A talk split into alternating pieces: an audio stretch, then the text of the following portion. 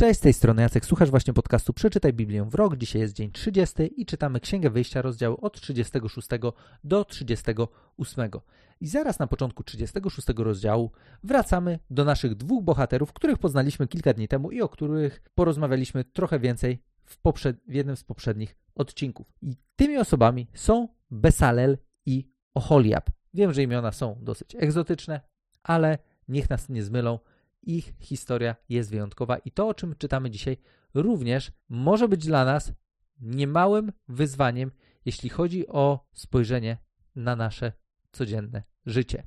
Czytamy, że Besalel więc i Ocholia, podobnie jak każdy uzdolniony człowiek, któremu Pan dał mądrość oraz pomysł na to, jak wykonać wszelką pracę związaną z przyszłą służbą w miejscu świętym, zajmą się tym wszystkim, co polecił Pan – Mojżesz wezwał zatem Besalela i Oholiaba oraz innych zdolnych ludzi, w których serce Pan włożył mądrość i którzy pałali chęcią przystąpienia do pracy. Przekazał im wszystkie szczególne dary złożone przez Izraelitów na wykonanie prac związanych z przyszłą służbą w miejscu świętym. Ludzie jednak nadal co rano przychodzili do niego z dobrowolnymi ofiarami.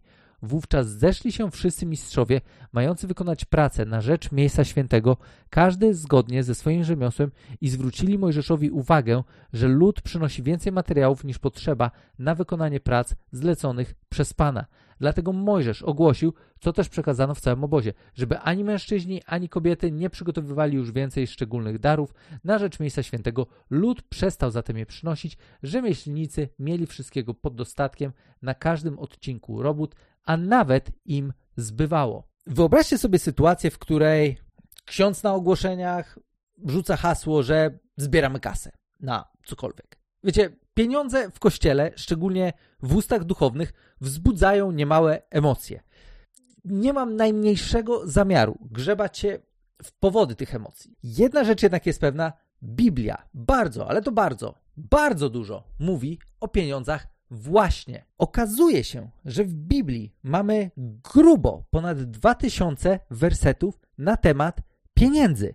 Jednocześnie w tej samej Biblii na temat wiary, modlitwy mamy około 500. Jest coś bardzo szczególnego w tym, jaką rolę pieniądze odgrywają w naszym życiu. I kiedy czytamy tą historię, to jedna rzecz, która dla mnie jest niezmiennie zastanawiająca, to jest to, co takiego wydarzyło się w życiu tych ludzi, że oni tak ochoczo przynosili kasę do momentu, do którego trzeba było im powiedzieć, że hej, dobra, wystarczy. Dzięki, że przynosicie, jak jest też wyraźnie napisane, dobrowolne ofiary, ale już wystarczy. Słuchajcie, ekipa, mamy wszystko, co jest nam potrzebne. Ważne jest to, że kiedy czytamy tutaj o tych dobrowolnych ofiarach, to pamiętajmy, z jakich materiałów miał być wykonany przybytek.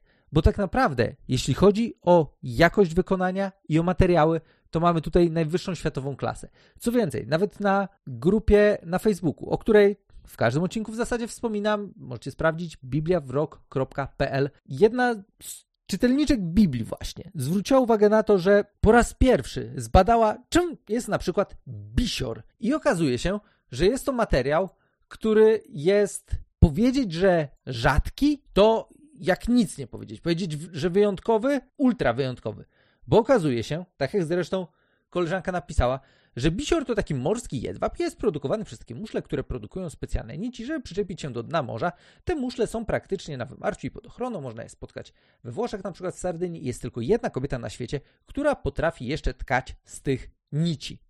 Okej, okay, łapię, że to jest sytuacja z dzisiaj, ale wyobraźcie sobie, jakiej klasy materiały to były dla ludzi, którzy je przynosili, bo między innymi mieli tam przynieść kupę bisioru. I możemy czasami czytać sobie te opisy i tak myśleć sobie o tym, e, co oni tam przynosili. Wszystko co najlepszego możemy sobie wymyślić, jeśli chodzi o metale szlachetne, jeżeli chodzi o kwestie materiałów, to są rzeczy, które przynosili Izraelici po to, żeby zbudować przybytek dla Boga. To pokazuje w tamtym konkretnym momencie, gdzie było ich serducho. Był to moment, być może to był jakiś zryw. Okej, okay, ja, ja wiem, że z Izraelitami tam jest co chwilę jakieś zamieszanie. Co chwilę gdzieś są wtopy, mamy już za sobą historię związaną ze Złotym Cielcem, której co prawda w podcaście nie poruszaliśmy, e, ale jest ona dosyć powszechnie znana. Będziemy jeszcze mieli masę historii, kiedy e, będą się wykazywali ogromną niewiarą i ogromnym lekceważeniem wobec Boga, który ich wyciągnął z Egiptu, ale w tym konkretnym momencie oni przynieśli wszystko, co mieli najlepszego w ilościach, które były wręcz dużym przegięciem wobec tego, jaka była potrzeba. I mówię o tym tylko dlatego, że po pierwsze, w tym podcaście kilka razy zdarzy nam się jeszcze, że będziemy rozmawiać o tym, co Biblia mówi na temat pieniędzy.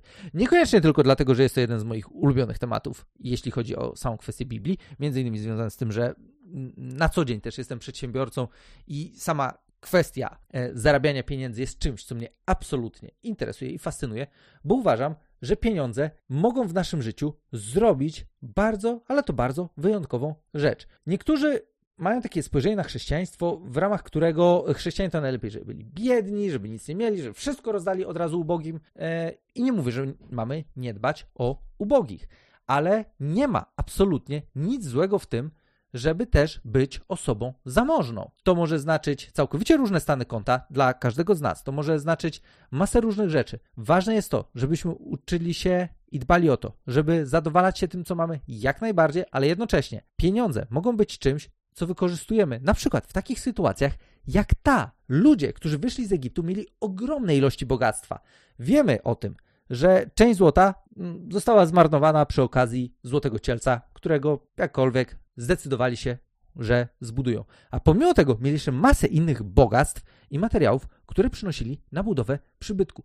To pokazuje, że przybytek i Bóg był dla nich ważny. Miał dosyć wysoki priorytet w ich życiu, co widać w tym, jak chętnie przynosili te dary. I gdybym dzisiaj spytał każdego z nas, co jest ważne w Twoim życiu, co dla Ciebie jest ważne, to nie musielibyście mi odpowiadać na to pytanie.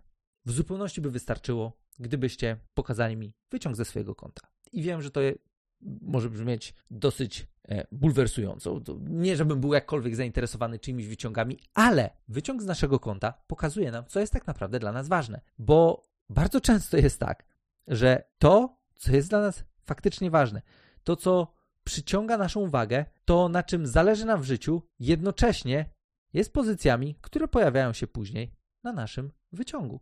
Bo na te rzeczy poświęcamy pieniądze. I nie mówię teraz o tym, że każdy z nas powinien cokolwiek konkretnego zrobić z pieniędzmi. Ja, ja w ogóle w ogóle mnie nie interesuje to, co kto z nas robi z pieniędzmi.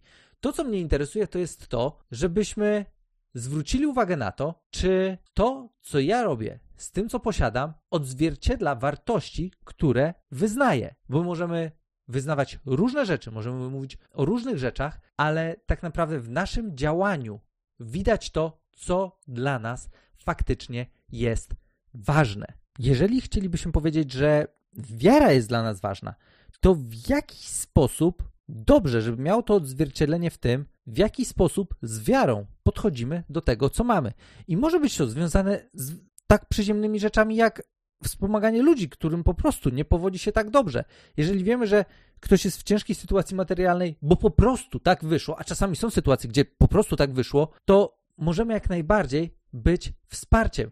Możemy być osobami, które szukają możliwości do tego, żeby wspierać organizacje, które zwyczajnie robią dobre rzeczy. Ja nie chcę teraz mówić o tym, na co możemy wydawać pieniądze w kontekście dobroczynności, bo tych rzeczy może być bardzo dużo i często one w jakiś sposób mogą też być związane z tematami, które dla nas tak po ludzku są zwyczajnie ważne. My przez tam chociażby, niech z jednym jakichś przykładów. Przez wiele lat razem, razem z moją żoną, czy bardziej ona z naszego wspólnego konta, e, wspierała organizację zajmującą się e, wyciąganiem ludzi, którzy stali się ofiarą handlu ludźmi. To jest coś, co dla niej jest ogromnie poruszającym problemem. I to, że ten problem jest, to, że ją poruszył, sprawiło, że stwierdziła, Jacek, chciałabym, żebyśmy regularnie wspierali organizację jaką taką, która tym właśnie się zajmuje, która pomaga ludziom, którzy znaleźli się w tak dramatycznej sytuacji życiowej. I jeżeli są czasami takie rzeczy, które was oburzają, które spotykają się z takim waszym wnerwem, gdzie myślicie, to nie może tak być i nie może być tak, że nie ma nikogo, kto nic z tym nie robi. Być może to właśnie ty jesteś tą osobą, która może z tym coś zrobić. I nawet jeżeli nie jesteś w stanie zostać wolontariuszem, czy w jakikolwiek inny, bardzo taki mm, operacyjny że tak powiem, sposób zaangażować się w pomoc konkretnej grupie ludzi, to jak najbardziej jesteś w stanie zrobić to poprzez wspieranie organizacji, które działają na rzecz ludzi, których potrzeby są dla ciebie szczególnie ważne. To jest coś, co pokazuje, że my faktycznie żyjemy wartościami, które wyznajemy. W przypadku Izraelitów, tą wartością, która dla nich była szczególna, był Bóg, który wyciągnął ich z Egiptu. I okej, okay, ta relacja na Facebooku mogłaby mieć status skomplikowany przez większość swojego trwania. Niemniej jednak będą jeszcze kolejne historie, w których dokładnie to będzie się powtarzało. Ludzie będą gotowi, tak kolokwialnie powiem, wyskoczyć z kasy po to, żeby uhonorować Boga. Dzisiaj każdy z nas ma możliwość, żeby dać praktyczny wyraz tego, co dla nas w życiu jest faktycznie ważne, żeby pokazać, gdzie są nasze priorytety, poprzez to, w jaki sposób inwestujemy i zarządzamy tym, co Bóg nam powierzył. Jest to dzisiaj dopiero taki skromniutki wstęp do tematu pieniędzy w Biblii, bo on będzie się pojawiał i ja z miłą chęcią będę zwracał uwagę na te wersety, bo zwyczajnie, zwyczajnie jest to temat, który mnie osobiście interesuje. Po prostu, to tyle. Ale sądzę też, że dla każdego z nas może on być bardzo cenny i może pozwolić nam żyć życiem w wolności. Bo jedną z rzeczy, która bardzo, ale to bardzo często sprawia, że nie doświadczamy wolności w swoim życiu, są właśnie pieniądze, które bez względu na to, czy jesteśmy dobrze ustawieni materialnie, czy nie, mogą mieć i bardzo często mają zbyt wysoki priorytet. Tyle. Mam nadzieję, że ten odcinek, na razie jeszcze taki spokojniutki wstęp, nie wzbudził Was zbytnich jakichś szczególnych negatywnych emocji, bo czemu też miałby takowe wzbudzać? Ostatecznie wierzę w to, że to, o czym rozmawiamy, pomaga nam zgłębiać wiarę, pomaga nam jeszcze bardziej odkrywać wolność, którą dzięki wierze każdy z nas może doświadczyć. Jeżeli macie pytania, jeżeli to jest temat, który jednak w jakiś sposób Was poruszył, zapraszam niezmiennie na grupę bibliawrok.pl. Tam możemy porozmawiać, tam możemy podyskutować, tam możecie wrzucić swoje komentarze, oburzenia, jeżeli takie są, albo zwyczajnie powiedzieć, co Wy myślicie na dany temat. Wielkie dzięki za dzisiaj i do usłyszenia w kolejnym odcinku.